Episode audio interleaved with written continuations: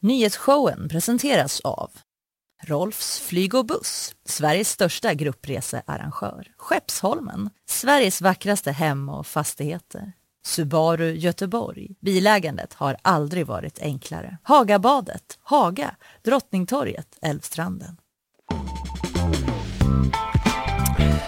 Måndag, ny vecka, nya tag här eh, i nyhetsshowen live Ja! från eh, GP-huset. Fanny Wik, du är med. God morgon! Du, det är en jäkla massa grejer som händer i programmet idag. Ja. Fullspäckat schema. Så är det. Eh, nästan omedelbart så kommer ju eh, Robert Laul hit. Ja, det känns för skönt. Häcken tog sitt första historiska SM-guld på herrsidan igår på Gamla Ullevi mot Blåvitt. Ska snacka ner den lite med honom. eh, Men vi har en massa andra grejer på G också. Fanny, vad, vad har du idag med dig? Valrysaren i Brasilien tänkte jag prata lite om.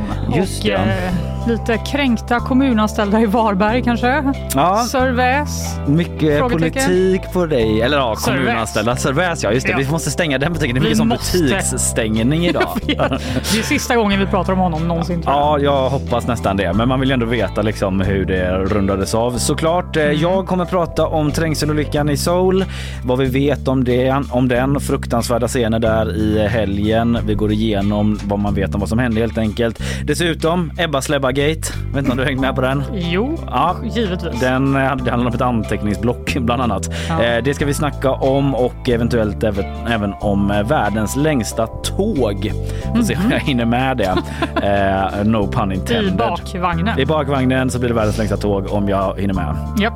Super no pun pitch. intended. Ja, dessutom, vi har en gäst till. Gabriel Mellim Andersson, stjärnkock som jobbat under vidriga förhållanden. Mm. det är inte bara det han är känd för utan för att han är en väldigt duktig kock. Ja. Men eh, både du och jag har ju sett den här The Bear. Det har vi. Väldigt eh, hypade, omtalade. Mm. Delade meningar om hur bra den är mellan dig och mig i alla fall. Det gör det. Ja. Men jag ser verkligen fram emot att höra vad han tycker som eh, borde veta. Ja men exakt, det är ju, eh, vi ska snacka om det är så där jävla hårt i franska kök Mm. som eh, det framstår i den serien bland annat och mycket annat också. Han har ju restauranger här i stan. Eh, det om det, men innan vi släpper in och släpper lös Robert Laul i den här studien med sin fotbollshärliga energi så vill jag ändå bara stämma av lite med dig hur du mår idag Fanny. Eh, ja, men jag mår bra, men det är som en sån eh, perfekt storm av olika saker som gör att jag inte sover längre. Jag är som nej. en sån vampyr. Eller sover de? Nej, de sover inte? Jo de sover De sover väl dagen. jättebra i kistor så. Ja, okej, inte en vampyr. Men jag har Det är det att de liksom... aldrig dör typ. Eh, just det, det känns inte riktigt som eh, en bra parallell till mitt liv just nu. Eftersom Men, du är nära döden exakt. snarare. Nej, men jag har ju en bebis som är sju månader. Mm. Jag har en jättestor hund som har opererats och därför har en jättestor tratt på Mm, Just sig. det. Som hon går och liksom drar mot alla möbler hemma på natten. Det är inget att skratta åt, men det är en rolig bild ändå med den där. För den tratten, hunden är så himla himla stor. ja. Så jag tänker mig att tratten är nästan löjligt stor. Ja, det ser ju nästan ut som ett skämt. Det är Ja. synd om henne också. Mm. Och sen var det den här tidsomställningen som bara Ugh! Alltså jag är, nu när jag inte är på Sveriges Radio längre ska jag ta ställning i en fråga. Och den frågan blir, lägg ner tidsomställningarna! Oj, oj, oj, oj. Ja, men varför blir man chockad varje år? Ja, men det är så jävla vidrigt mot alla som är småbarnsföräldrar framförallt för det är Ja. så jävla känsligt ekosystem hemma. Att eh, alla för barns eh, liksom, eh, biolog, ins, vad säger man, kroppsklocka liksom. Mm. Eh, Nu vaknar ju de fem istället för sex. Och det finns typ inget man kan göra åt det. Alla, alla föräldrar i Sverige bara ja, Ja. då kör vi igen. Ja det är faktiskt vidrigt. Men jag fick jättemycket energi av att komma hit i alla fall. Ja, Hur mår jag du? med. Det är Mår tur du bra? Man har ett jobb att gå till. Nej, men det är samma. Jag är lite samma sak, eh, påverkad av det. Det liksom slog mig återigen då när det blev vintertid att eh, första gången jag förstod att det inte var skrivet i sten, att det är naturlag att det måste vara så. Nej. Det var ändå ganska sent i livet som jag först hörde typ så att ja men i vissa länder så ställer de inte om typ så här bara där måste de vara helt jävla tokiga och galna. Vad är det för u-land som inte ändrar? Sen har jag förstått liksom att så här ja Det är vi som är det konstiga. är vi som är konstiga, eventuellt liksom. Men Nu typ har du tagit EU ställning så Ja, nu får vi ju nästan... vad bra att du hindrade mig när jag bara kom in på EU. Jag bara, Robert Laul? Frågetecken. ja, vi släpper in Robert nu. Vi tar Ja. en liten eh, bumper så kommer han här om en stund. Och så körde man då från Monaco till Saint-Tropez och var på Sardinien och fram tillbaka. Så det var eh, strålande trevligt. Ja. Nu är han på ingång här, Robert Laul. Inte helt olik i rösten eh, till Thomas Gisander som vi hörde i lilla bumpen här. Eller säg något Robert får vi höra. Eh, god morgon. Ja, nu hörde inte du det ljudet innan men nej, eh, nej, det missade jag. känner du till Thomas Gisander? Eh, ja, ja, absolut. Ja. Det var väl någon eh, gammal skurk från förr, höll jag på att säga. Ja, han trustor-härvan Eller hur, som eller liksom hur? får kringa en massa pengar. Lite lika på rösten var bara det jag sa. Så du får kontext det, för din det, vet jag inte om jag tar som en komplimang, men jag får hacka i mig det. väldigt, en av dina konstigare presentationer kanske. Ja, det får jag ändå säga att det var det faktiskt. Men du Robert, eh, det är inte det vi ska snacka om. Du var ju på eh, Gamla Ullevi igår Jajamän. och kollade matchen. Hur var, eh, och Häcken har tagit SM-guld liksom. Ja, sitt första någonsin. Så att det var ju en, en otroligt eh, stor eh, händelse såklart i, i våran lilla värld. Vi eh, kan lyssna bara först på hur det lät på eh, slutsignal.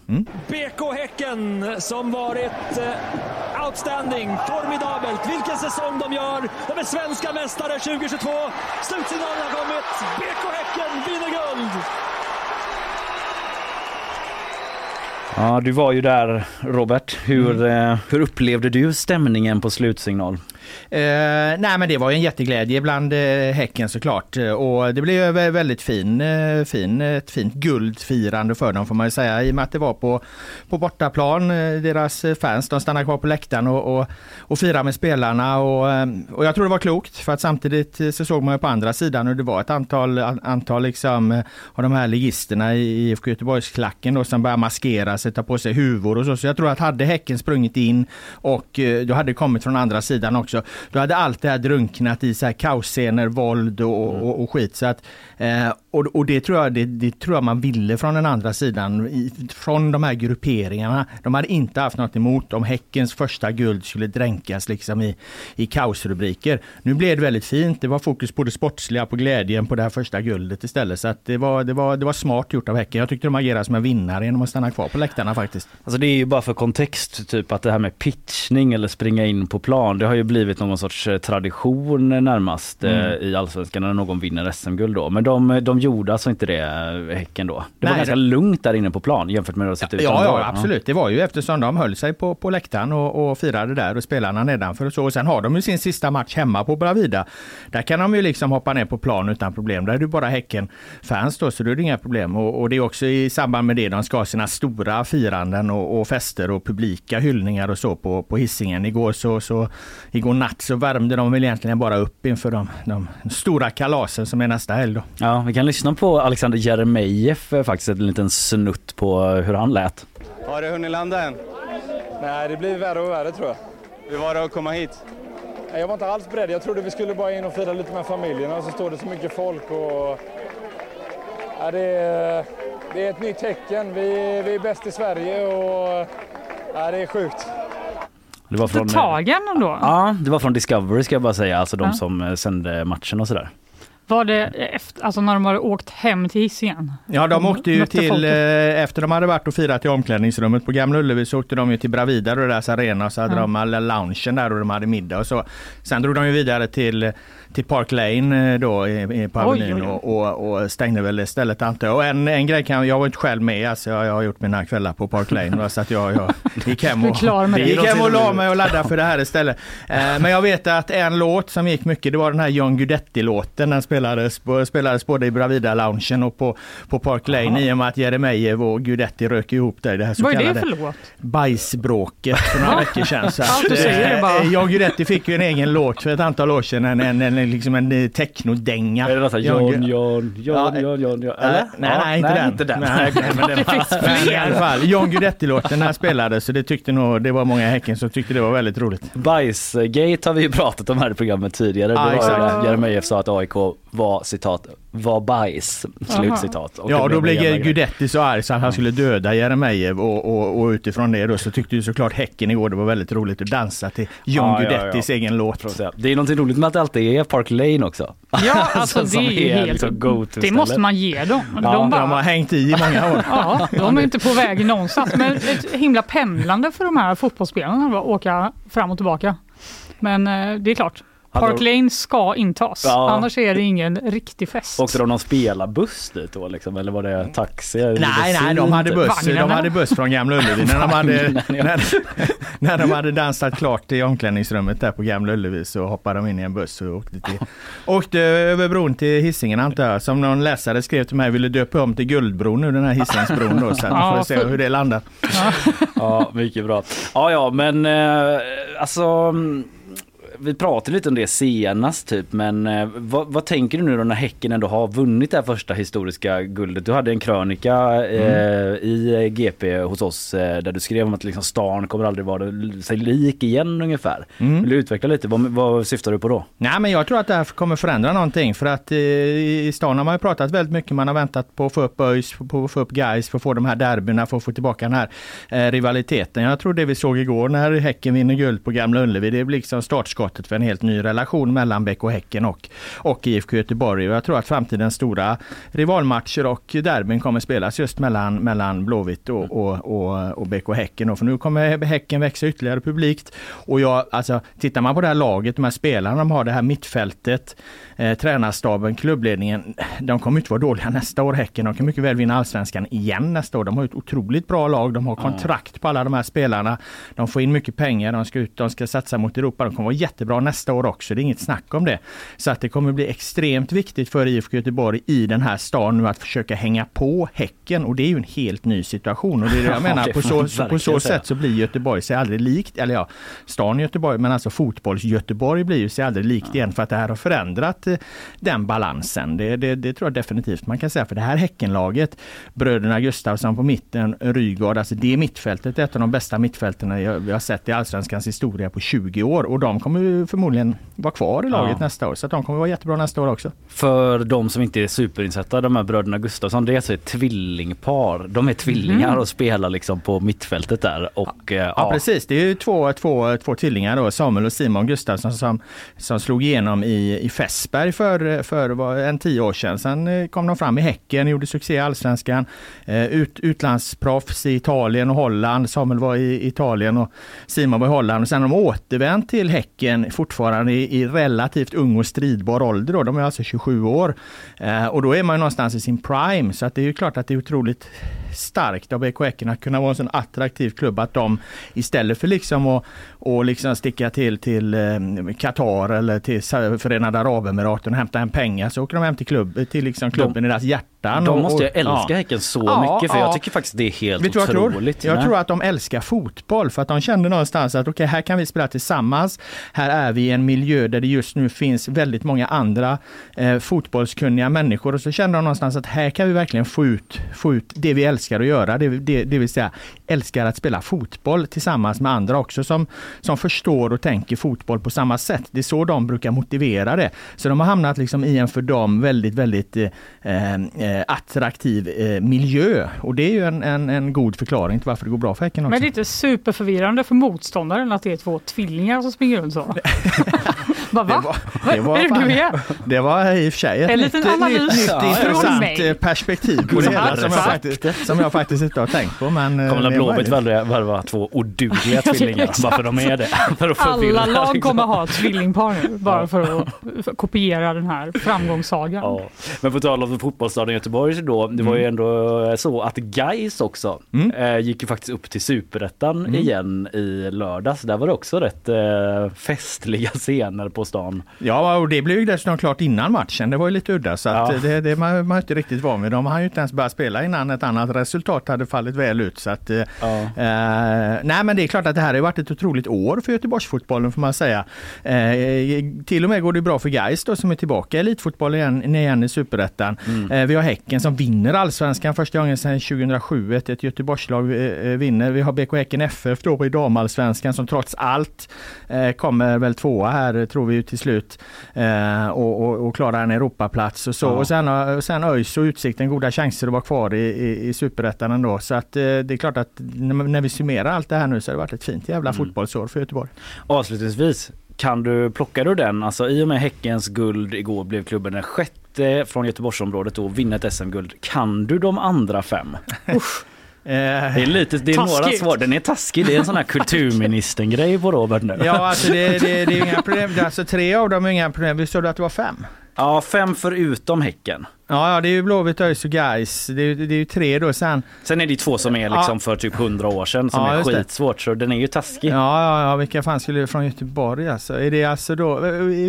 Fesper nämnde jag tidigare, är de med där eller? Ja, Ja, visst, så Oj, oj, fan oj, oj, det? Jag har oj. för mig att Fesper Otroligt. har... har 1924 vann de guld. Ja, det var innan det blev den riktiga allsvenskan då egentligen. Men då är det ytterligare ett då Ja, eller? då är det ett från Ja. 1903. Ja, du. Information man Vad inte fan måste skulle det ha kunna vara då? Top of mind kanske. Det är ett lag som jag undrar om de finns kvar idag ens Ja, överhuvudtaget. Jag kan säga det bara. Ja. Göteborgs IF. Ja, ja, ja, Ja. okej. ja, det, det var innan Blåvitt bildades, för de bildades 1904 så att det var ju året innan. Ja, det var med, så det, var, det var långt tillbaka. Ja. Det borde jag fan ha tagit. Men, Ja, men jag tog. Fesper i alla fall. Fesper var riktigt snyggt. Ja, var. Eh, du, Robert Laul, eh, ni kommer väl skriva ner den här allsvenskan på GP och det finns mycket kvar att rapportera Ja, om. vad fan, de ska ju spela en avslutningsmatch här det. och sen är ju de stora guldbanketterna kvar på hissingen så att det, vi, vi är inte klara än på ett tag. Ja, vi hänger med i tidningen och Jajamän. på i appen och allt sånt där. Tack ska du ha Robert. Vi Ja. ses snart igen. Tack, tack. kommer några exempel på öknamn. Skyffelmördaren, Rock-Olga, Porrbirger, 10-2, Var knick, Trampa vatten, Loffe, Snoppen, Gissa mitt jobb, Tjuven i Bagdad, Manolito, Ursäkta, ja, det är från vad pågår? in, inre hamnen den här dokumentären. En klassisk dokumentär i Göteborg. Eh, vi ska snart ha lite nyhetssvep med Isabella. Eh, sen ska du snacka om valet i Brasilien. Den Ja. jävla rysan. Men innan det ska vi ta lite reklam och den kommer här. Nyhetsshowen presenteras av Rolfs flyg och buss, Sveriges största gruppresearrangör. Skeppsholmen, Sveriges vackraste hem och fastigheter. Subaru Göteborg. Bilägandet har aldrig varit enklare. Hagabadet, Haga, Drottningtorget, Älvstranden. Är det Frölunda eller? Ja, Ja, nya loggan. Vad tycker du? den är skitsliten. Ja, så då blev det klart i natt. Brasilien har en ny president. Det är en ny, nyvald. Ja, nyvald, ja för han har varit förut. Han visst. har varit förut. Det är alltså vänsterutmanaren Lula da Silva som vann valet med minsta, minsta möjliga marginal får man ändå säga. 50,9 procent av Ja. rösterna fick han mot sittande presidenten då, ytterhögerkandidaten Jair Bolsonaro som fick 49,1. Snyggt, eh, snygg brasilianska, eller? Jag tror faktiskt inte det. Bolsonaro. Jag tänkte Jag bara, tyckte du jag smög säger det in på det ganska ett snyggt. konstigt sätt så kan ingen ifrågasätta. Men nu kommer alla tänka på hur jag sa det, Ja, Kalle. förlåt, men jag tyckte jag var ändå imponerad. Ja, Ja, det men var du ju fattar 50,9. rena rama Sverigesiffrorna ju. Exakt, det är värre än Göteborgs kommunalpolitik i, eh, Just det. i, eh, i jämnhet. Och det är tydligen den minsta marginalen för ett valresultat sen demokratin återinfördes i Brasilien i mitten av 80-talet hörde jag på Sveriges Radio innan. All right. Så det var ju liksom, eh, det blir inte tajtare helt enkelt. Eller det kan väl bli det. Eh, ja, Rent ja. matematiskt. Rent matematiskt så kan Men- det ju det. Men, Men, eh, eh, det blir det inte. om man typ så bildligt talat så kan det inte det. Men det kan det, men samtidigt kan det inte det. Exakt. Vem är Lula da Silva undrar ju du. Ja, Nu- nu lite vagt jag- vet jag, men Exakt, berätta. nu sa ju jag att han är en nygammal president för Mm. att han har faktiskt varit president i Brasilien i åtta år mellan 2003 och 2011. Och eh, han är då vänsterpolitiker som startade Arbetarnas parti, det partiet han leder nu. Ja, 1980 startade han det partiet. okej, gammal i gamet. Han är gammal i gamet eh, och han har också kallats för landets mest populära president någonsin. Första gången då eller? Första gången. Mm. Och det kanske var, låg någonting i det då eftersom han blev vald igen. Mm. Men har ju varit en del skandaler Ja. även kring Lula da Silva måste man säga i vår absoluta nutid. För 2018 så dömdes han till fängelse i 12 år. Ja, det var det jag tänkte på. Visst har han suttit inne ja? Och det, ja, så är det. exakt. Men det var lite komplicerat. Det Mm. han dömdes för var då penningtvätt och mutbrott. Mm. Men han satt bara inne i ett år.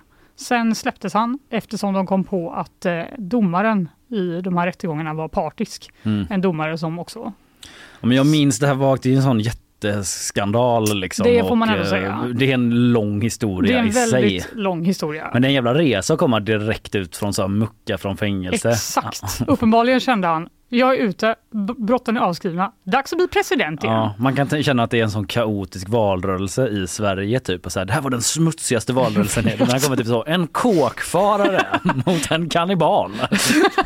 Det var hårdbra. Ja, Mm. eh, han har inte ätit Nej, människa. nej, Han sa bara att han skulle kanske möjligen kunna tänka sig. Ja. Eh, han är alltså Bolsonaro. Ja. Men eh, eh, helt enkelt, vänstern hade ingen mer karismatisk person att slänga in än Lula da Silva och han har uppenbarligen lyckats eh, få eh, rösterna. Hans frågor handlar mycket om fattigdomsbekämpning Mm. och att man inte ska typ skövla hela Amazonas regnskog. Vilket ju är något som Bolsonaro kanske inte håller med om då. Har vi Nej, sett. han har inte varit sådär jättebeskyddande om urfolken där typ. Har Men jag har hört att han också, var, båda var ganska så här, det var väldigt viktigt att få typ de fattigas röst så båda har liksom strösslat med lite så Ja. bidrag till Ja, ja, det är ju också en sak om man jämför med vår egen valrörelse att vi kan lyssna lite här på i hans segertal som han höll då i natt där han sa att hans första prioritet är att ingen ska gå hungrig i Brasilien. Här från Sveriges Radio. Okej, här kommer det. Todo brasileiro possa tomar café de manhã, almoçar e jantar todos os dias. Jag Vilken kände bara, jävla röst. jag vet, jag var tvungen att ha med det för ingen, det är inte så, kanske så många lyssnare som förstår ordagrant vad han sa här, men för stämningen. Ja, Man hör så. ju att han har varit med. Brasiliens Gunvald Larsson typ. Exakt, exakt. Brasiliens Gunvald Larsson. Ja. Det är det han är. Men eh, du var ju inne på det och det har varit en extremt polariserad och hetsig valrörelse Mm. i eh, Brasilien. Uppenbarligen väldigt jämnt också in i det sista.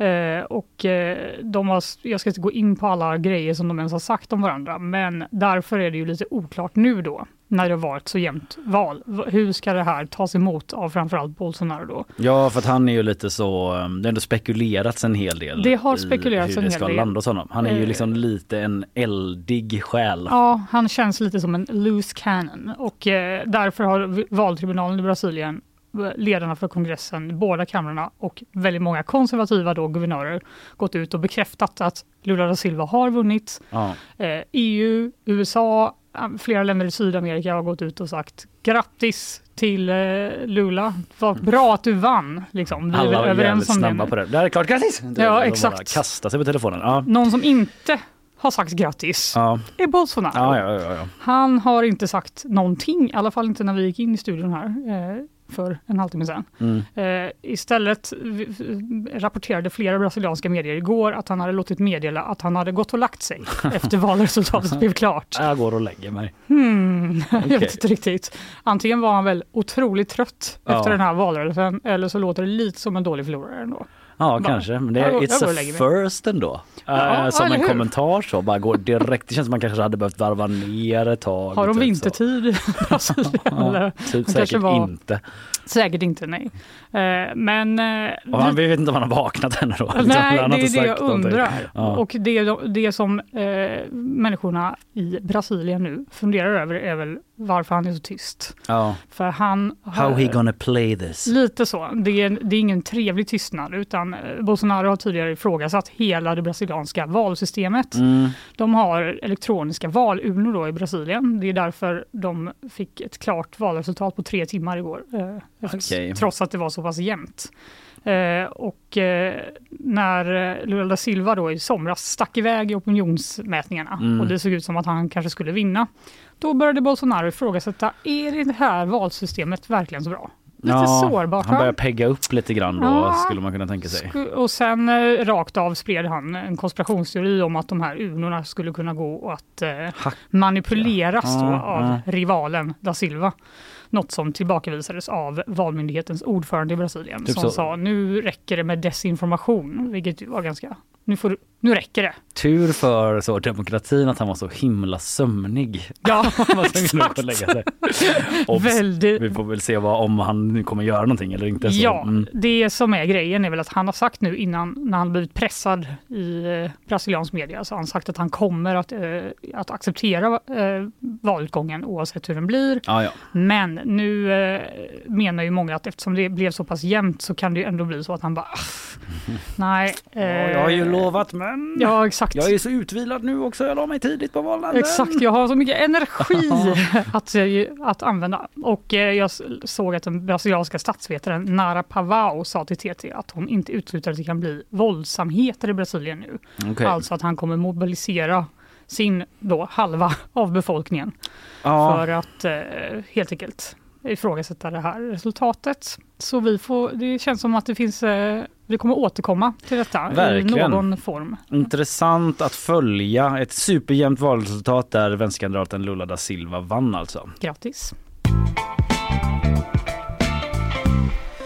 Jag ska kasta mig in snart då och sammanfatta lite vad vi vet kring den här fruktansvärda olyckan i Seoul. Eh, Efter det så får vi gäst stjärnkocken Gabriel Melim som Andersson heter han också. Ja. Som har restaurang här i Göteborg. Ser väldigt mycket fram emot det. Ja. Eh, Det känns som eh, han har varit med om så jävla mycket. Jag vet. Han var ju med i två dagar, vårt Ja. helgmagasin här på GP.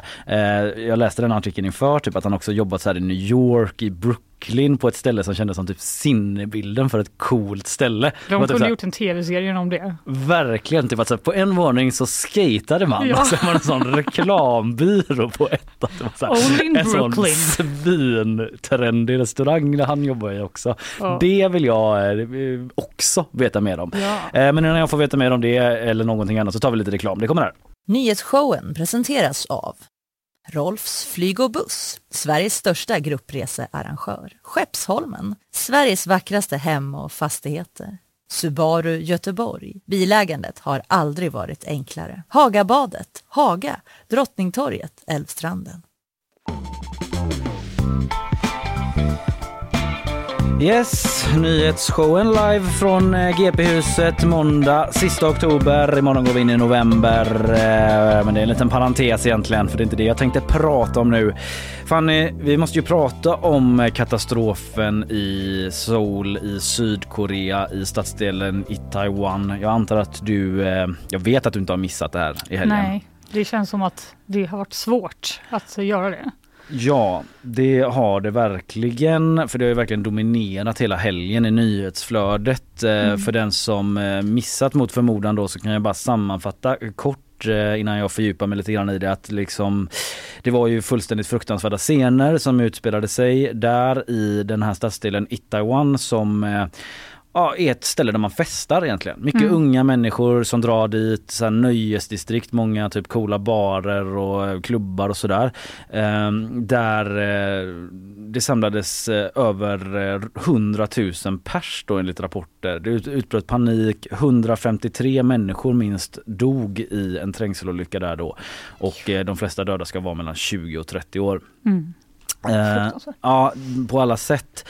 Eh, och det var ju liksom så här, det här var i lördags och det har varit två år av pandeminedstängningar. Det var halloween så folk Mm. var jävligt laddade för att dra ut och, Mm. och festa och det brukar vara skitmycket folk i det här området som det är en vanlig helgkväll liksom. Men nu eh, som det har rapporterats så hade det byggts upp extra Just Mm. för som jag sa pandemin och det var halloween och folk hade klätt ut sig och sådär.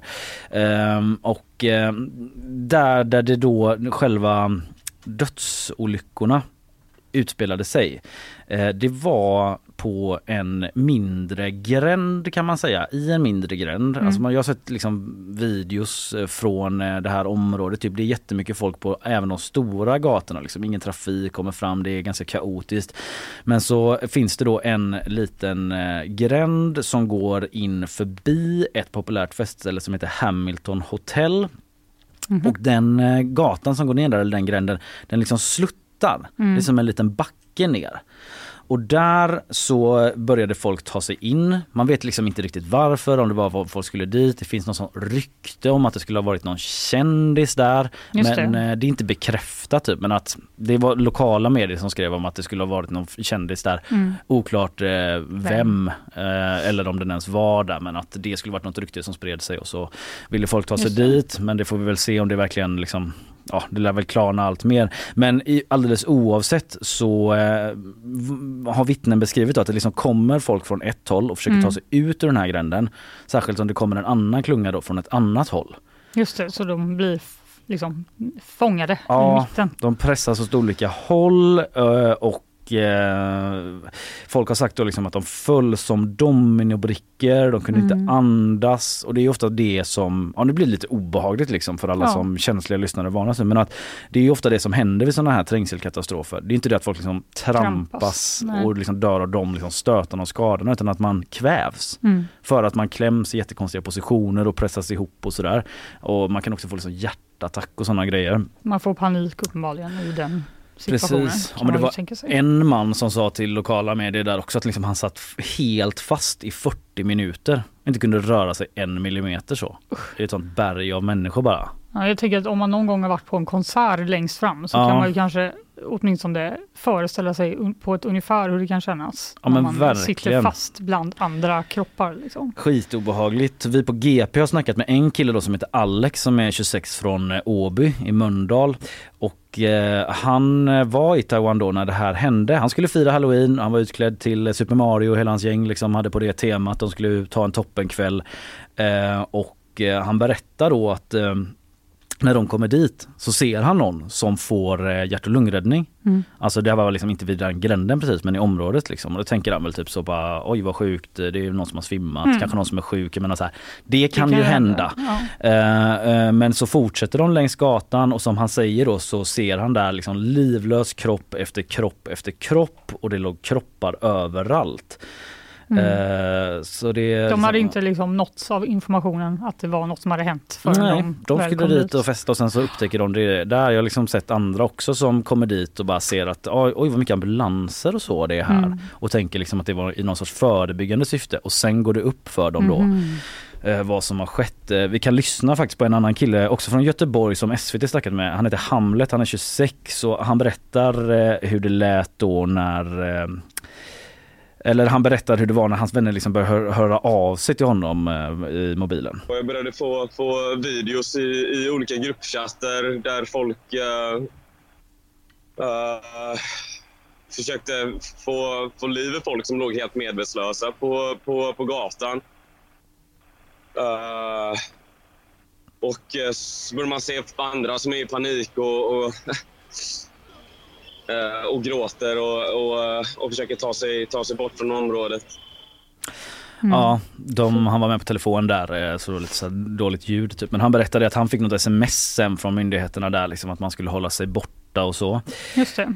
Det var två av eh, väldigt många skildringar som finns från den här kvällen i lördags då det skedde. Jag har också sett de här videosarna Mm. eh, som man kan se ja, på internet på olika platser om man letar lite grann. Och eh, ja, du vet, så här, jag ska prata om det här och man Mm. känner så här, jag behöver ändå en bild av ungefär vad det är som har skett. Men det, Ja, det är är liksom så jävla starkt så att eh, man nästan inte pallar och, och titta vidare på det vissa. Nej, jag såg att det var folk som eh, försökte klättra upp längs fasaderna och sånt för att komma undan. Ja. Det är ju väldigt speciellt nu när alla har en, en mobil. Ja. Alltså det finns skildringar från alla, allt Mm. hela tiden om du eh, vill se det. Liksom. Verkligen eh, och eh, ah, men man ser ju liksom att det är en sån liksom klump av människor där Mm. folks liksom huvuden typ sticker ut bara och de försöker liksom dra ut eh, räddningspersonal som dykt upp.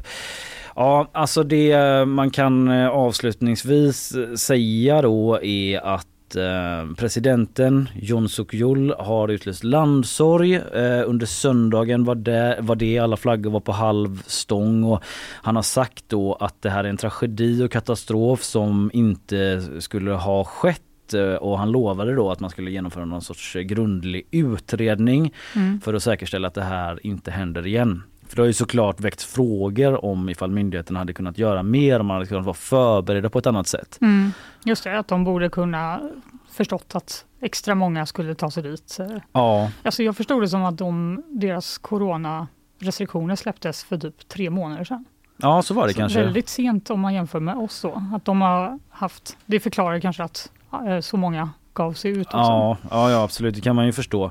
Ehm, ja men de, det har också liksom hört röster som har varit så här, ja man hade kanske kunnat förbereda mig men samtidigt är det väldigt svårt för det var ju liksom ingen ehm, enskild eh, arrangör exakt. bakom det här utan det är liksom folk eh, som drar ut på stan liksom. Mm. Och det kan ju vara rätt svårt att styra upp det då. Eh, menar vissa eh, kan också säga det att det var även flera utländska medborgare som ska ha dött i den här katastrofen. Bland annat en norsk medborgare men det finns inga uppgifter om eh, några svenska döda enligt utrikesdepartementet. Ja, så så ser det ut eh, med det eh, Mm. helt enkelt. En liten sammanfattning av eh, vad som skett eh, i helgen. Jag tar en eh, liten stinger emellan, eh, sen ska jag berätta vad som händer mer i programmet. Är det Frölunda eller? Ja. Ja, Nya loggan, vad tycker du? den är skitsliten.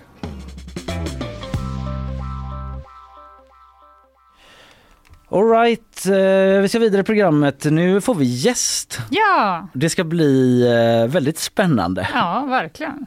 Eh, Det är ju eh, en stjärnkock som kommer hit, Gabriel Melim Andersson. eh, Jag har sagt det förut men eh, han har eh, flera, eller han har restauranger i- här i stan i Göteborg då såklart men han har också jobbat i så franska fine dining kök i New York, i Brooklyn på sådana svincoola ställen. En riktig kock. Ja, en riktig kock eh, och eh, han har även eh, sett The Bear då. Ja. Den här hypade serien och vi ska snacka lite om den. Där skildras ju typ hur jävla vidrigt. I den serien är det ju helt eh, stört hur han blir Ja, mobbad. sugen. Nej, utan det han det handlar om liksom blir helt mobbad av, eh, det är inte i Frankrike i och för sig men eh, typ av sin, eh, vad säger man? Typ huvudkocken liksom. Ja, Han av bara- sin egen personal. Ja men exakt. Typ. Och han har ju ändå liksom lite liknande er, erfarenheter eh, av detta, eh, Gabriel då. Så han kommer om en liten stund, vi ska släppa in honom, ta lite paus med lite kaffe, eh, vi hörs om en stund.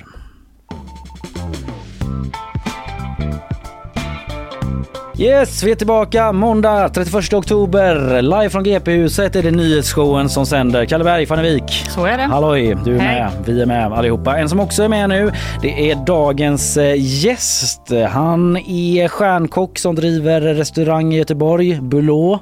Det stämmer. Ja, men härligt. Alltid nervöst att uttala något på ett annat språk. Det stämmer. eh, Men han har också jobbat i franska kök under helt vansinniga förhållanden som det låter. Och eh, sett hypade serien The Bear då. Han har också jobbat i typ helt vanliga restauranger som inte är vansinniga. Men välkommen hit Gabriel Melim Andersson. Tack. Vad kul att ha dig här. Du kan komma lite närmare micken där bara. Absolut. Så.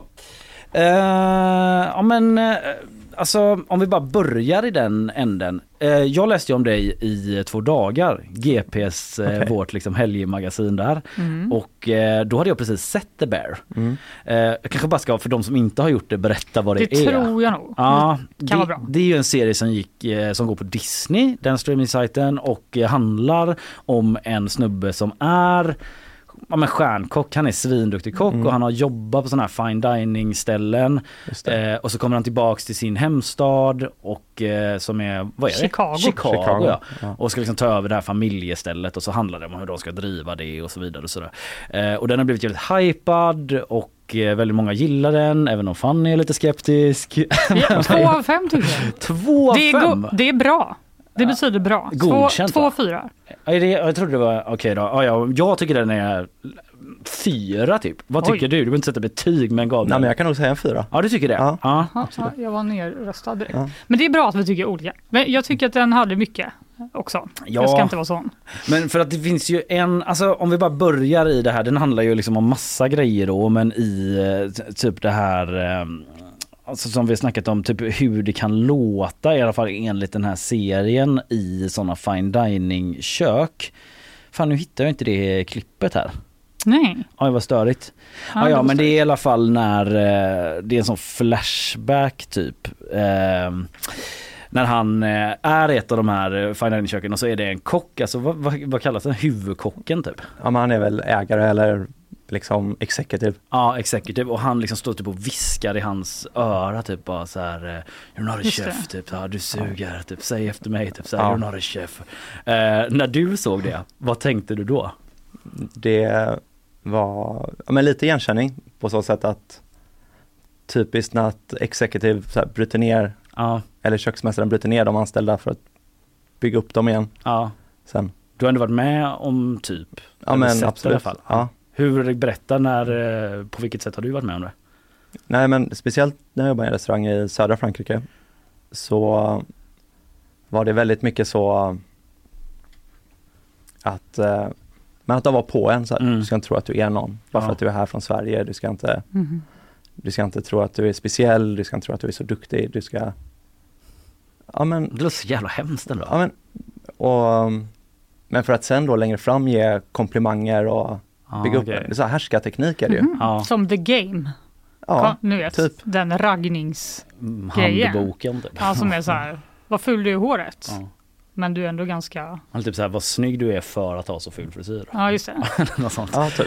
Men eh, vi kan lyssna här, Karl skickade till mig, vår producent. Say yes, chef. Yes, chef. Say yes, chef. I'm so tough. Yes, chef. I'm so tough. Fucking yes, chef. I'm so tough. Yes, chef. I'm so tough. You are not tough. You are bullshit. Ja, så låter det. Men, Mm. det, men det som också är att man är en sån tacksamhet kanske att man har det jobbet. Mm. Ja. Man vågar inte säga Man vågar någonting. inte säga liksom. emot utan Nej. man bara tar det. För när du var i den eh, miljön där du snackade om, då var du väldigt ung också va? Ja, 17 var jag. Ja, du är inte svin eh, gammal idag heller. Nej. Så här, du är inte Leif Mannerström typ. Nej, inte än. tur är. Ja, men eh, ja, 17 år, hur kom det sig att du hamnade där överhuvudtaget? Men jag fick chansen att göra min praktik Ja. utomlands. När du i gick på gymnasiet? Ja. Ah, Och så pluggade jag också i eh, en termin i Frankrike. Ja. Mhm. Men tar de in, alltså det här var ju en väldigt fin restaurang. Det, Mm. Är det vanligt att de tar in någon som vill göra praktik, praktik från gymnasiet? Eh, som de kan mobba på? Ja, det, det är nog ganska vanligt i Frankrike. Ja. Just där var ett gäng liksom studenter och Ja. stagiaire. Vad, gör, vad gör man då? Hackar lök typ? Ja, men, men man, man, köket är uppdelat i olika stationer. Ja. Liksom man har kanapéstation och varmkök och kallis och pastry och så här. Så då är man ju ofta som en assistent till en av Mm. chefdepartierna Just det. som är ansvarig för stationen. Så egentligen är det en rätt bra praktikplats förutom att man Ja, blir absolut. psykiskt misshandlad då av... Så man är en chef de komi, kan man Mm. Vad, vad betyder det? Men assisterande. Ah, okej. Liksom man, eh, man plockar upp efter den som är ansvarig för stationen och, och hjälper till Ja. helt enkelt. Var det något du fick göra typ så 10 000 timmar att du är så jävla bra på typ så, ja men hacka lök eller? Ja, mycket hacka lök, absolut. mycket, mycket, det här var ju La Rochelle, så mycket fisk och skaldjur liksom. Mycket Mhm. filea, skala och Ja. fixa sånt där. Blir man typ immun mot att bli få så tårar i ögonen av lök? Nej, det blir man inte. Kanske, Det är, nästan, o- det är nästan orättvist faktiskt. Man borde få någon sån, liksom, Ja. eh, något som kickar in i kroppen efter x antal lökar. Jag, har ju- Du- jag har jobbat med kockar som har så här simglasögon på sig. Ja de har Nej. det ändå? Jo, Ja. Hade det varit okej att komma in i det franska köket eller hade det varit så What are you doing? Nej, This is inte not a okej. swimming pool. Ja. Man hade blivit utslängd. ja det är så. Ja. Men kan du inte berätta för att eh, det skildras ju där i två dagar också typ hur det ser ut där du ska bo? När Jo, du kommer dit. Så att jag, jag kommer dit och så, så de bara, "Ja, vi har det här, ja men ett boende till dig, det är lugnt, jag har fixat det. Ja. Eh, och tillhörande gymnasiet så hade de lite så här övernattningsrum för lärarna. Mhm. Som, ja vi säger att man kanske har jobbat sent, man kanske ska rätta någon tenta eller något. Ja just det. Ska man ha någonstans att sova över. Så det var ju det här lilla, kan det ha varit, 5-10 kvadratmeter kanske, Mm. lite så smalt rum med en smal säng. Liten sån skiljevägg och så var det bara en toalett i hörnet. Gud, I samma det är som rum. Harry Potter under trappan. Ja, typ. Ja. Eller ett fängelse rakt av. Ja, eller ett fängelse. Ja men det var en liten cell så. Men, Ja. men det funkar, jag jobbar hela tiden så det var bara att gå dit och, Ja, och sova. Ja, det är kanske är därför man sätter typ en 17-årig gymnasieelev där som bara är så yes sir. Men Ehm, du jobbar två skift om dagen nästan alla dagar i veckan. Ja, Så du jobbar bokstavligt talat i, i princip hela tiden. ja. Eh, blev du inte avskräckt efter det här? Vad gjorde att du kände att det här är ändå något jag ska fortsätta göra, arbeta som kock? Det är svårt att förklara, när man är i det Mm. så känns det liksom naturligt. Det, det var ens liv, det var inte bara mitt liv, det var ju allas liv där i, mm. Runt omkring. Och inte bara på den restaurangen utan på alla restauranger i stan som Mm. var lite bättre, så arbetar de så.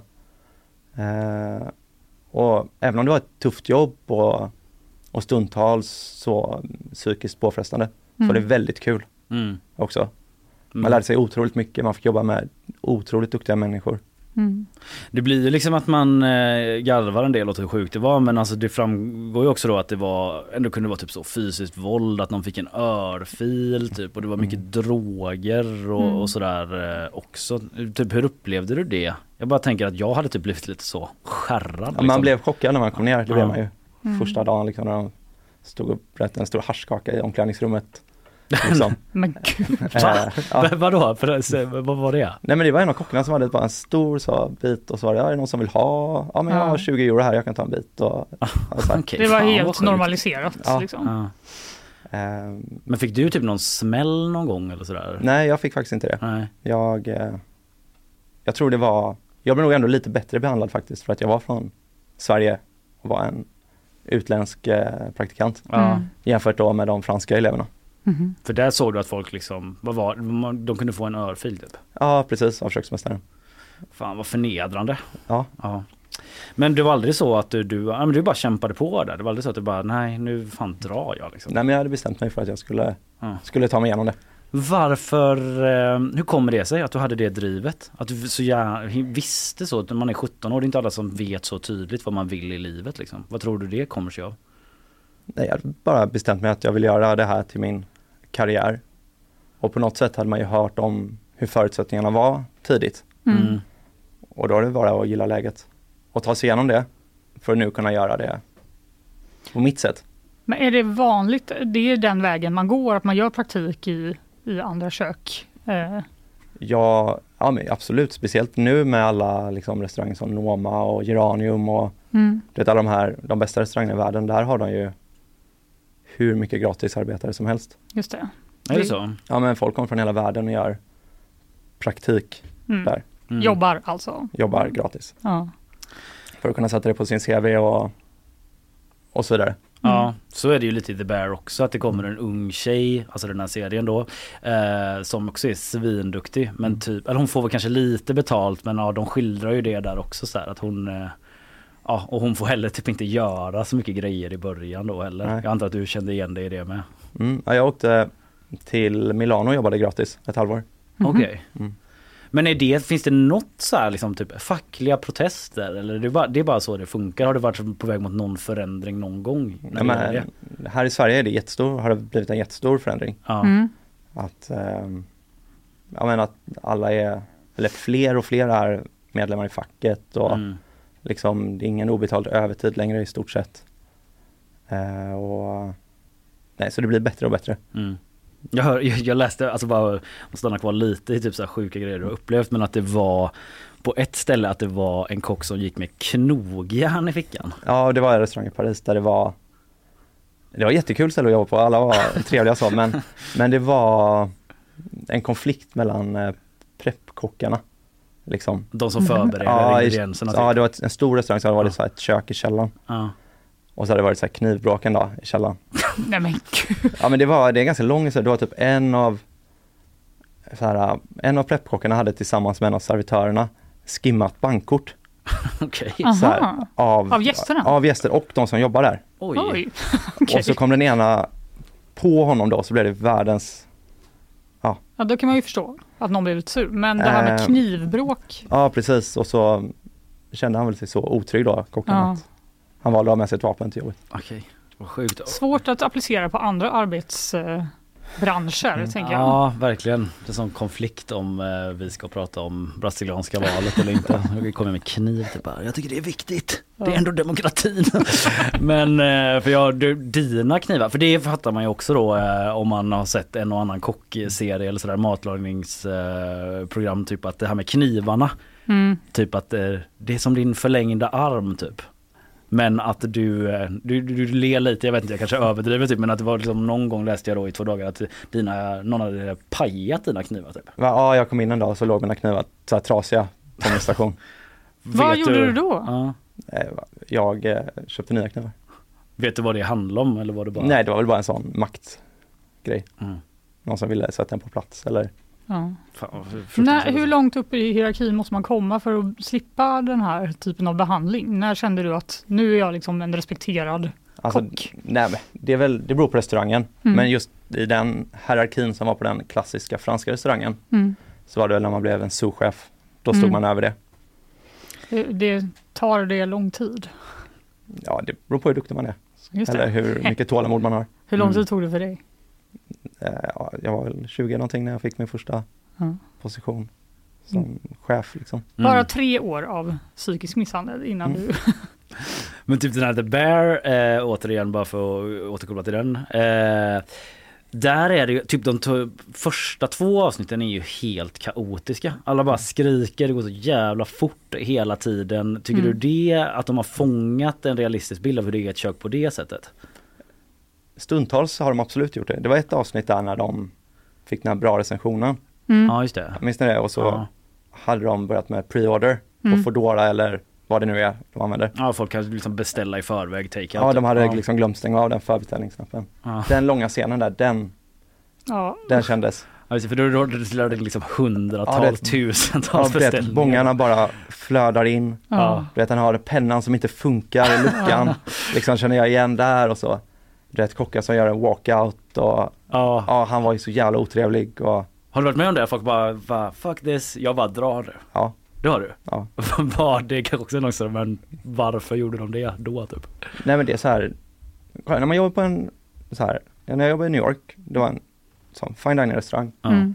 Och om något inte är rätt så måste man säga till. Liksom, att det här funkar inte, du får göra om det. Mm. Och det hände ganska många gånger, till slut så bara kan någon få nog och vara, nej, nu går jag. Men då fuckar man upp det för Ja. alla inte jag? Eller finns det någon praktikant som bara, nu är det min tur typ. Nej, det här är den det chansen jag drömt om. Ja, ja, kanske hände någon gång men nej, det sätter ju alla i skiten. Ja. Det var en gång så en tjej som stack och så var det jätteawkward för hennes familj satt i matsalen. Ja. Nej. Jo. Vad typiskt. Ja. Men det är då att man säger du måste, alltså den här rätten är inte tillräckligt bra för att servera, du måste göra om. Ja, precis. Och så känner den personen till slut att jag klarar inte den Nej, här pressen. Liksom. Men du, du var, sa ju det att du var i New York. Vi pratade om det lite innan när vi läste om den restaurangen som Mm. du jobbade på där som eh, verkade vara väldigt rätt i Ja. tiden på alla sätt. Kan du berätta hur du hamnade i New York? Jo men det börjar med att min, min fru Alice hon fick ett, eh, typ, ett utbyte. Mm. Hon skulle dit och plugga juridik. Och så började jag söka jobb där då. Mm. Och så kom jag i kontakt med lite olika restauranger och så sket sig med några och sen så träffade jag Fredrik Berzelius heter han. Mm. Eh, vi hade några gemensamma vänner från eh, Frankrike och så här. Och så var han då i processen att öppna den här restaurangen Aska. Mm. Mm. Och så fick jag vara med då från början, för vi klickade. Och så, ja men så öppnade vi den. Och För- så, Ja, för den låg, alltså jag kommer inte ihåg exakt, men jag läste om att det var i Brooklyn i något sånt här hus där det fanns typ så re- reklambyråer och de typ skatade på något, det lät så jävla Mm. ja, det var, New York. Det var, det var så mycket New York det kan bli, så det låg i en, i Williamsburg. Ja, supertrendigt område. Ja, ja, Ja. visst. I en sån gammal lagerlokal. Mm. På övervåningen var det en, eh, så här, ja men en studio, Kinfolk Studios hette det. Där de gjorde liksom reklamfilmer och Mm. alla skatade och de släppte, de hade ett eget brand, de släppte så cool merch och kläder. Ja. Och sen i källaren hade de en cocktailbar på kvällarna och ett café på dagarna. Ja. Och sen i den bakre delen så fanns det en liten matsal då som vi tog över. Mm. Ehm, och så byggde vi upp eh, köket i en korridor. Okej. Liksom. Varför bor man i Göteborg kände jag nu när vi pratar om det här. Var är vår cocktailbar i bunkern här på GP som Vilket- vi kallar vårt lunchrum. Ja just det, precis. Den känner Finns inga fönster. Nej exakt, det är därför den heter Bunkern. Ja. Men vilket år var det här, när du var i New York, typ? 2012, 2013. Jag tänker att det är så jävla prime Brooklyn, typ att så här girls och liksom att det, du måste sett så jävla många typ original hipsters där. Ja, det var det. Och känd, vilken är den kändaste personen som har ätit mat som du har gjort? Oj, du, du vet jag inte. Det har varit mycket kändisar som kommer. Namedroppa en eller två. Nej, jag kan inte. Jag vet inte. Får du inte det? En eller två? Men eh, hur, alltså just i den så här prime hipster-eran i Brooklyn typ när man är där. Jag bara tänker på den Atlanta som är en sån serie som typ driver lite grann med det. Att det sitter gäster som är typ så här vill veta typ allt om den här grisen typ. What was its name? Did Mm. they pet him? Typ. Var det mycket, liksom, känner du igen det? Ja, men så är det. Så Ja. är det, verkligen. De vet allt och jag menar, man får ju mycket. Köper man, det händer ju, det finns en leverantör i Stockholm. Mm. Då köper man en, en ko av den här leverantören, alltså ett helfall, alltså Mm. ett helt djur. Får Mm. man liksom med en bild på kon och namnet. Alltså ett litet foto så här. Och det här var Boris eventuellt. Ja, exakt. Nej, Boris, eh, fyra år. Är det liksom för er i köket typ? Så Ja, ni ska typ. känna typ så. Ja. Det här är bra grejer typ. Ja, precis. Men det är ganska kul, så få vara med det kortet då ska man Alltså jag antar att det är bra för då antar jag att den kon har haft ett ett trevligt liv. Exakt. Eh, Men eh, det kanske är lite väl där med namnskylten kan jag känna. Men Ja, ni har inte med det på menyn typ? Det har nog hänt. Boris med potatis typ? Ja, jo. jag gillar att jag döpte den här kon till Boris. Det är väl en coolnamn. katt på våran gård heter så? Nej. Det känns lite jobbigt. Ja, ja, skitsamma. Eh, men du, om vi bara liksom eh, återvänder lite. Nu är du i Sverige, du har restaurang Bulå Precis. i Göteborg. Eh, med alla de här erfarenheterna typ som du har samlat i världen. Alltså typ hur är stämningen på din restaurang skulle du säga? Nu är det ju du då som, det kanske är någon annan som ska svara på Nu är det jag som är han Ja, nu är det du exekutiv som är. eh, Ja. går och Det viskar i folks öron. Nej men det Ingen bra. tror att de är något. Exakt. Alla står i led. Nej men det är bra stämning. Är det. Vi anstränger oss faktiskt för att skapa en bra miljö och all, många som jobbar där har jobbat, eller vi har jobbat tillsammans i många år nu. Mm. Många är ju med från Upper House-tiden Just det. där vi, där vi jobbade i ganska många år tillsammans. Så att, Det är den här Gothia Towers Exakt. eh, fina restaurangen Ja. där du har jobbat innan. ja precis. Mm. Eh, skulle säga att vi är ett väldigt bra team. Ja. Men varför, jag backar lite bandet, varför flyttade du hem från underbara Brooklyn till Göteborg? Ska jag Mitt sluta vis- pissa vid Göteborg med? Mitt visum tog slut. Ja, ja, ja. Det var, det var eh, tvång. Ja men både, både och liksom, det är inte så Det var inte så enkelt att vara kvar. Alice, hennes studier var ju slut där och Just det. Mm. mitt visum tog slut. Så vi bestämde oss kanske för att göra ett nytt försök flytta dit längre fram. Ja. Men det var inte så att du bara kunde komma, att det liksom gick som på räls öppna den här restaurangen i Göteborg vad jag förstår det heller. Alltså trots alla dina erfarenheter menar jag. Nej, nej det var ju, allt som gick fel, gick fel. Ja. Pratar vi om Bulå nu? Ja. Alltså, eh, du har ju två Bulå. Mm. Kanske- Nej, så Bulå Norra Hamngatan, den riktiga restaurangen. Ja. Mm. Det är jag och en kille som heter Emil, Mm. Emil Bjelke som har den. Och eh, vi kollade upp lite olika lokaler så hittade vi en lokal som vi gillade. Eh, och så var det ju pandemi såklart, Mm. som sköt upp Mm. allting. Sen så hade vi ett problem med entreprenörerna som skulle bygga restaurangen. Mm. Så det, det drog ut på tiden. Det var större byggnation än vad vi trodde, som alltid. Mm. Drog ut på tiden. Problem med leveranser av köket drog ut på tiden. Så det blev så här ett år försenat. Så det slutade ju med att, eller två år till och med till slut. Ja. Så det slutade ju med att jag och Emil hade ju sagt upp oss från vårt jobb. Mm. Vår köksmästare Elis hade sagt upp sig, Fredrik, vår restaurangchef, hade sagt upp sig från sitt jobb.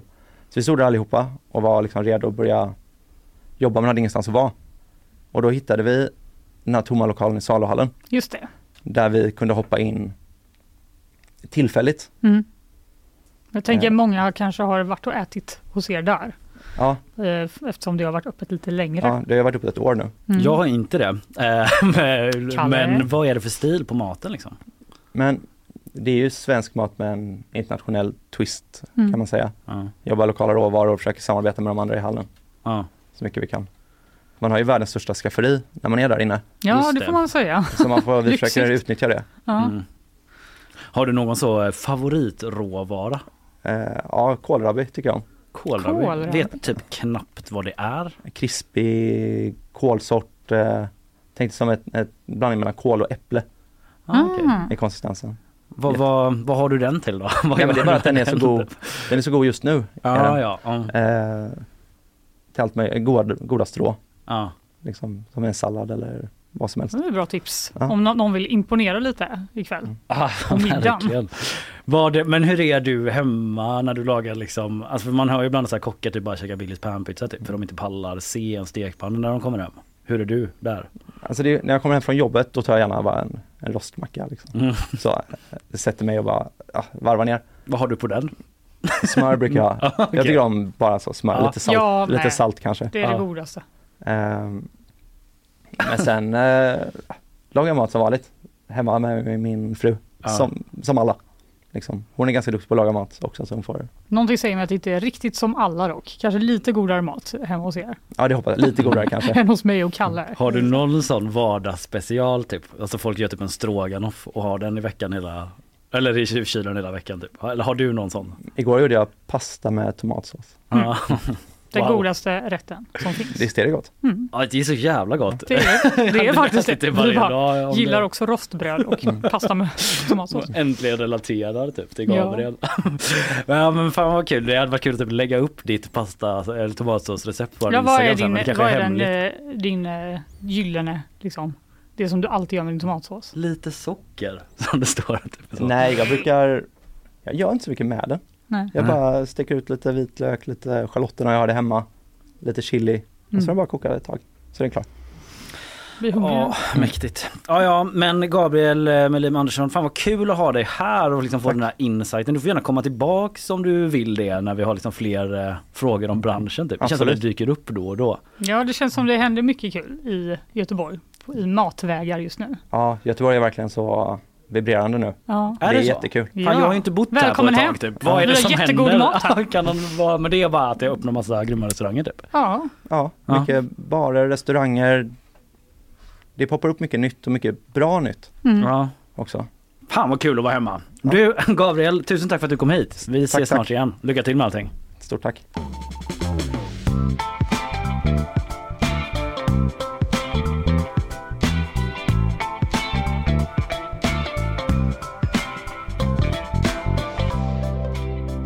Yes, vi är snart tillbaka som sagt. Eh, Då blir det bakvagn. Jag ska snacka om Ebba Gate. Eh, Tänker inte precisera nu vad det handlar om exakt. Fanny, vad har du? jag ska prata lite om kommunalanställda i Varberg som blivit väldigt kränkta och sen måste vi tyvärr prata lite om Sir Väs. Ja, det är Vi liksom, måste. vi måste stänga den eh, butiken. Ja. Han är ju fan hemma igen nu. Ja. Eh, vi tar lite reklam på det. Nyhetsshowen presenteras av Rolfs flyg och buss, Sveriges största gruppresearrangör. Skeppsholmen, Sveriges vackraste hem och fastigheter. Subaru Göteborg. Bilägandet har aldrig varit enklare. Hagabadet, Haga, Drottningtorget, Älvstranden. Sådär ja. Mycket som har hänt i det här programmet, mycket har vi kvar. Vi sammanfattar ju alltid på slutet lite andra grejer från dygnet som gått eh, stort och eh, smått. Inte meningen att rimma men nu bara blev det så. Väldigt fint. Tack. Eh, Skaldade fint Kalle. Berg. Ja, verkligen. Eh, vill du, ska vi riva av det här med jävla serväs en gång för alla nu då? Jag tänker det, för att eh, det känns som att alla är ganska trötta på att prata om det här. Men det ändå är det, det enda vi har pratat om i Sverige i en vecka. Ja. Men eh, nu har ju Sir Väs, eller Houdini, som de försökte döpa om honom till, men det fastnar liksom inte där. Utan alla bara fortsätter kalla honom Väs. men det är för att hela tiden tror jag att Skansen-Jonas, alltså den här rödlätte mannen som har varit med i tv massa gånger och folk Ja. känner till honom. Han har så jävla mycket feeling typ så han säger sådana grejer. Nu var det, alltså det var ju typ han som att han sa bara det. döpte om honom? Ja, typ Utan the fly det. liksom men att alla typ andra på Skansen var så här, ja absolut men nej. Typ, han heter Servais och så Men det är är också ett mycket bättre namn. det. Eh, Servais? Ja. ja. Houdini, alltså det är inte ens ett roligt skämt om man ska vara helt. Du, du vet det roliga Servais-skämtet va? Nej. Vilken Disneyfigur är bäst på tennis? Servais. Tack för mig. Eh, fortsätt du. Ja. Han var ju borta i alla fall Mm. i, fyra, nej, i sex dagar och sen hittade de honom eh, precis ovanför akvariet. han hade själv, eh, som jag förstår det, gett upp och bara känt att han ville hem igen. Vilket ju är lite, eh, lite fint på något sätt. Ja, men jag klippte faktiskt ut lite när Skansen snackade om det. Vi kan eh, lyssna bara snabbt. Men till slut i natt, när de höll på som värst, då insåg han att han hade förlorat. Så att då kröp han tillbaks in mellan väggen och ner i sitt gamla terrarium. Han insåg att han hade förlorat. Ja, men det är det jag menar. Skansen-Jonas är liksom, han tänker lite att han är med i Söndagsöppet hela tiden tror jag. Så han sätter väldigt mycket så känslor på ormen och sånt hela tiden. Att han liksom vill lira till det lite grann så. Men det är som att Aftonbladet har gett honom en ålder, fyra år. Ja. Så, så de skriver hela tiden, Servais fyra. Ja, det är, ja precis. Man bara ja. Ja, ja, men han menar att liksom eh, Servais kände sig eh, omringad, det är över, jag kan lika gärna återvända. Det kanske var all det här mjölet och eh, avloppskamerorna som jagar honom. Ja, han blev stressad ända. till slut. Det Det, var skönare där han var från början. Och Det är Ja. väl ett gott betyg till Skansen antar jag. Ja, jag läste, jag hörde då i den här intervjun, det där ljudet var från SVT för övrigt, men att eh, de, han kunde nu då garantera eh, att eh, inga ormar kommer rymma längre. Det får vi väl hoppas. Mm. För då var reporten så här, ja men innan det det här hände, hur var det då? Han bara, ja men då eh, visste ju vi ju inte om det här med armaturen. Eh, Men nu har vi fixat det, för den kröp ju upp genom den här trasiga lamparmaturgrejen. Men nu har vi fixat det, så nu kan jag garantera att eh, det inte är någon fara. Time will tell. Ja, Välkommen hem. oj gud, det där spelar jag någonting helt annat. Ja, time will tell, vi går vidare.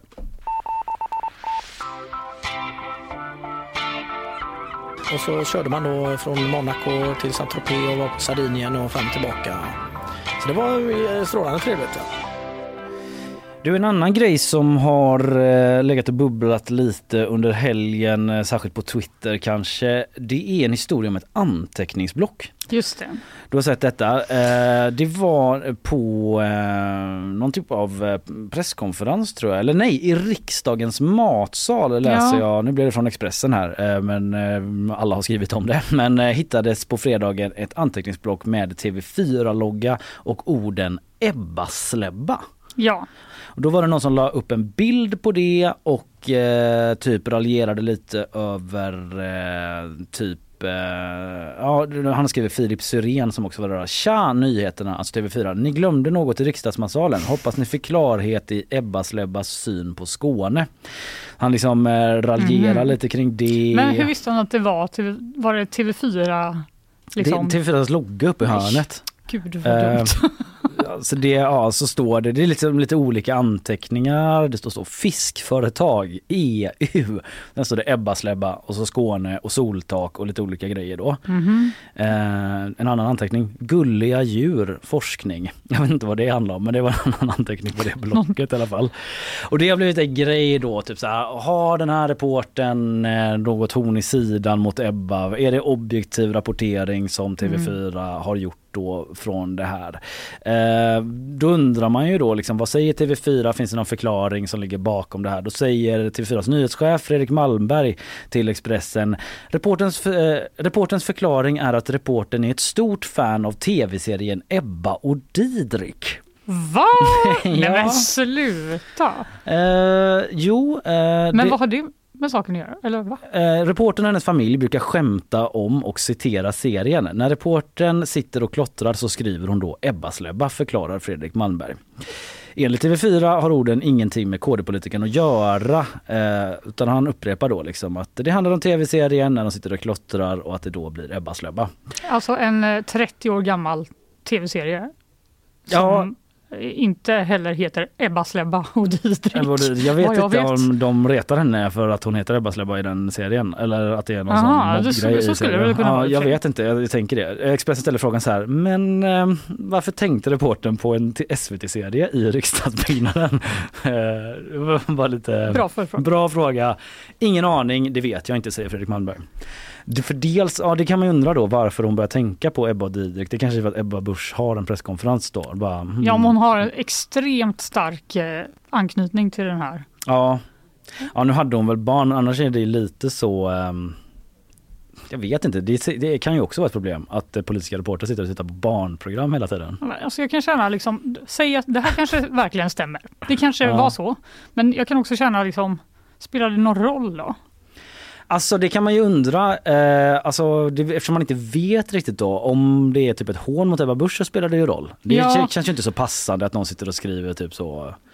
Nej, det Jag inte på det, något är på det någon ju. annan men. Nej, jag bara, Ja. Ulf. ja. Ulf. Nej, men det, så här, det är väl jätteopassande, men jag kan ju bara känna Alltså, du vet, man sitter, man bara vartar hela valet. Bara, åh, Mm. dag, timme ut, timme in. Man sitter hela tiden disträ. Kanske har gått upp så supertidigt. Gör något konstigt. Mm. Anteckning i sin dumma bok. Be- behöver det verkligen betyda att man hatar eller opartisk liksom? Oklart, men eh, de har i alla fall pratat med reporten om hur det här eh, kan uppfattas och ändå fått, gått till den nivån så här, kommer den här reporten att jobba kvar? Ja, den kommer jobba kvar. Däremot kommer de att se över om reporten ska jobba med frågor som rör Ebba Busch, säger Mhm. Fredrik Malmberg. Och eh, han tycker att eh, det är skitdåligt det här säger han och de ser allvarligt på det. De tycker att så här, TV4 ska hålla en högre nivå. Mm, Jag kan ju förstå i och för sig i, part, alltså i de tider där man pratar mycket om opartiskhet. Ja, eh, Att det kanske bara är onödigt att ens eh, så det fröet. Det är olyckligt om det är hennes sånt eh, bara anteckningsblocksklottergrej. Jag brukar ju måla sådana du vet 3D-kuber. Att man målar fyrkanter Ja men exakt, det, det är det jag börjar tänka på själv. Bara vad man själv kanske inte i och för sig kallat någon för något, men man bara skriver något dumt i sitt anteckningsblock när man sitter och väntar på något. Ja. Det, kan, det har väl hänt liksom. Säkert, säkert. Eh, KDs partisekreterare Johan Ingarö har kommenterat eh, via något mejl här då att eh, de har noterat den här bilden och de förutsätter att det granskas eh, med samma grad av professionalitet och opartiskhet som alla andra riksdagspartier. Så så säger de. Vi får väl se vad som händer. Jobbigt. Kan du ge dig fan på att jag har det jobbigt? Jag har ju inte ens smör på mackorna. Reine Brynolfsson utan smör på mackorna. Stackarn, det skulle inte Gabriel gillat. Eh, nej. För gud, visst var man sugen på det, Gabriel som var här, eh, stjärnkocken. Ja. Man är så himla sugen på att äta mackor med smör för att bröd säga typ smör. att så här, alltså egentligen så är det godast med bara smör. Och lite Jag vet inte ifall du har hört, eh, träffat Gabriel med, med, med, inte. Men, ja. ja, vad, vad har du mer med dig? Jo, men jag har eh, läst vår syskontidning Hallands Nyheter. Ja, Ja, de har en... Stampen. eh, Represent. Jajamän. Säg aldrig så Kan igen. rekommendera. Nej, det. det är bra att du ger dig själv en liten sån. Jag kände det själv. Ja, det var, vi, jag tänkte spara det till feedbackmötet sen, men det var ju bra. Ja. Då har vi rivit av det. Ibland måste vi ta det direkt. Ja. Eh, jag läser nämligen att eh, ett gäng kommunanställda i Varberg har blivit kränkta. Mhm. Det låter väl tråkigt? Ja, ja, det är klart. Det är ett införande av stämpelklockor som kommunen har infört på ett 15-tal gruppboenden inom LSS Mhm. som har fått de anställda att eh, reagera. Eh, Ett skyddsombud har nu då vänt sig till Arbetsmiljöverket för att begära en prövning om kränkande behandling eftersom hen menar att de här stämpelklockorna då har införts i övervakande syfte. Så finns ett citat här. Mm. Eftersom inte arbetsgivare litar på oss så känner vi oss kränkta. Varbergs kommuns definition av vad en kränkning är, är att om en person känner sig kränkt så är det en kränkning. Därmed är detta en kränkning eftersom vi känner så. Står det skrivet i handlingen. Okej, väldigt så... ehm, ja, man kränkt så har man kränkt så har man kränkt. Det är väl lite så här, eh, jag vet inte, nästan, eh, vad heter det? Lite som att tänka på rymden. Att man bara, vad betyder de här orden? Och i all oändlighet så En kränkning, fortsätter en man vara kränkning, kränkt. en kränkning. Okej men alltså då, alltså här, de känner sig kränkta för att de känner sig övervakade då eh, med den här stämpelklockan. Ja. ja det kan man väl förstå. Men vad, Mm. vad säger kommunen själva Jo, då? då de säger de så här. till att de sätter in den då, Systemet hjälper medarbetare och chefer att ha koll på arbetstid och frånvaro så att rätt lön betalas ut varje månad. Jag. Ja visst, det kan man Ändå ju säga då. ett argument. Men har du jobbat med stämpelklockan någon gång? Eh, ja, Hur var det?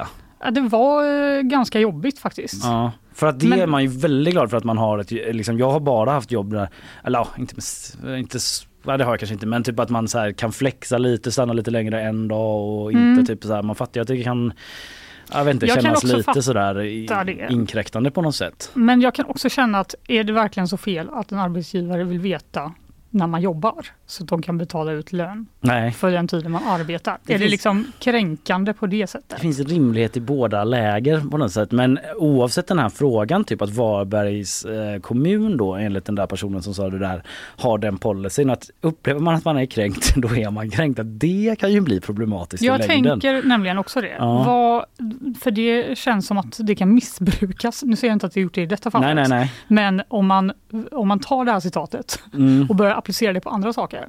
Ja, att någon läser det och bara wait a minute. Man, jag känner mig också lite kränkt. Ja. Att eh, behöva arbeta överhuvudtaget. Ja. Är det något som vi ska hålla på med? Nej, tycker inte det va? Och känner jag det, så väldigt så identitetspolitisk eh, formulering på något sätt. Ja, det det här är ju... min upplevelse av hur jag känner att det är på jobbet. Exakt. Jag tvingas jobba åtta timmar om dagen upplever jag. Och det är som du känner över det här med vintertid. Kränkande ändå. Ja det är kränkande och då ska man lyssna på det. Ta Ja, bort. återigen, jag säger liksom inte att de är typ fel ute de som Nej. jobbar på det här. Det är liksom, jag är Som inte tur är insatt. så kommer Arbetsmiljöverket nu att, eh, att ta tag i den här frågan och vi får se vad de tycker helt enkelt. Ja det får vi göra. Eh, vi eh, går vidare. Den största faran, och det är ju den som, det är de som tar min ensamhet ifrån mig. Det är bristen på ensamhet som förtär mig. Ja, vi botaniserar vidare här lite i eh, det senaste dygnets och helgens nyheter. Det är mycket små grejer som eh, dyker upp. Mm. Nu, har jag, nu, nu ska jag säga att nu är det ingen eh, breaking news-grej jag kommer med här. utan nu är det liksom... Du vill ta ner förväntningarna? En dum grej typ. Men eh, det som har skett i helgen, ja det är, för sig, det är ju en stor grej liksom. Men det är att ärkebiskopen går i pension, det. Jackelén. Hon lägger ner staven som det heter. Heter det? Ja det heter då, det heter så. Som en trollkarl? Ja precis som en trollkarl. Det låter lite så, så här, hon lägger ner staven om du fattar vad jag menar. Men det är liksom inget konstigt. Jag vet inte vad jag menar med det heller men det jag låter bara, jag bara som en sån. absolut inte vad du menar. Nej, nej men jag bara tycker att det låter som eh, att det skulle vara en omskrivning för någonting annat, jag vet inte vad. Men det är typ att hon under en ceremoni då i eh, Uppsala domkyrka har gått fram med sin biskopsstav, hon har ju en sån, och eh, Ser ut lagt ner den. slå någon. Ja men den är ju lite så, you shall not pass, the Gandalf-vibes på den. Ja. Eh, och ehm, Drömmen att ha en sån på jobbet. Ja, det hade väl ändå varit lite eh, Respect. respektingivande. Eh, jag eh, lyssnade bara helt kort eh, från eh, när de var där. Vi kan bara, så det här var liksom eh, när hon klev in i Uppsala domkyrka då och skulle lägga ner staven. Oj.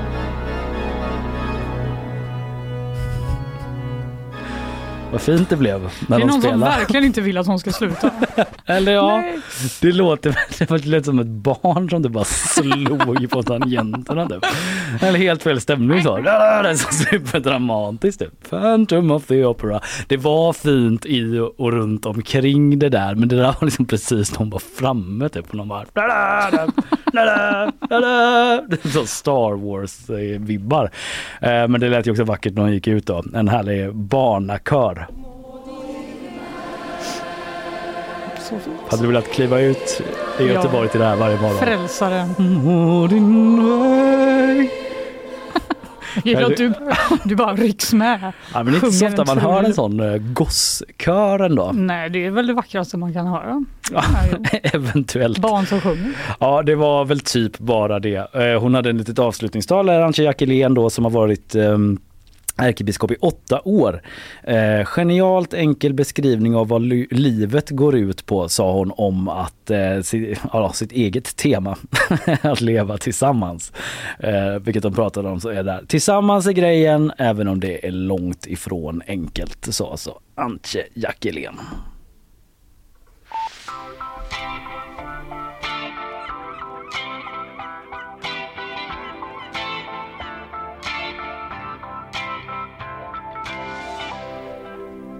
Ja, nu börjar det bli dags att avsluta här, men jag måste komma med en rättelse. Där, Rätta ja. mig själv. Mm. Det är nämligen eh, pigga Jan Andersson som jobbar på vår kulturredaktion. Van recensent. Just som det, hörde mig säga. Eh. Ja, just nu är han tv-recensent, men han har nog recenserat det mesta under solen skulle jag säga. Kanske inte typ saker. Kanske inte typ så folks eh, kroppar. Nej, det, det vill jag absolut inte, opassande. inte påstå. Det hade jag Men absolut inte gjort. Mm. kommer du ihåg när jag pratade om The Bear? Sa 2 och 4. Ja. Det betyder bra. Det gör inte det. Nej, och ju- 2 och 4 betyder godkänt. Och det var ju det Tre, jag försökte fyra. invända. Ja. betyder bra. Mm. Det är väldigt, eh, det är ju ändå skillnad. Men jag har så himla stor respekt för dig Fanny så att jag, jag började ifrågasätta det men sen kände jag att du Jag var väldigt nej. säker så då eh, slutade jag invända. Men, ja, eh, men vad bra att Jan inte har samma respekt för mig utan bara direkt sa ursäkta Ja. så här är det. Och jag borde sannoliken veta det för jag har jobbat sex goda år på kulturredaktionen. det har du. Men jag vill ändå stå fast vid att det är 2-4.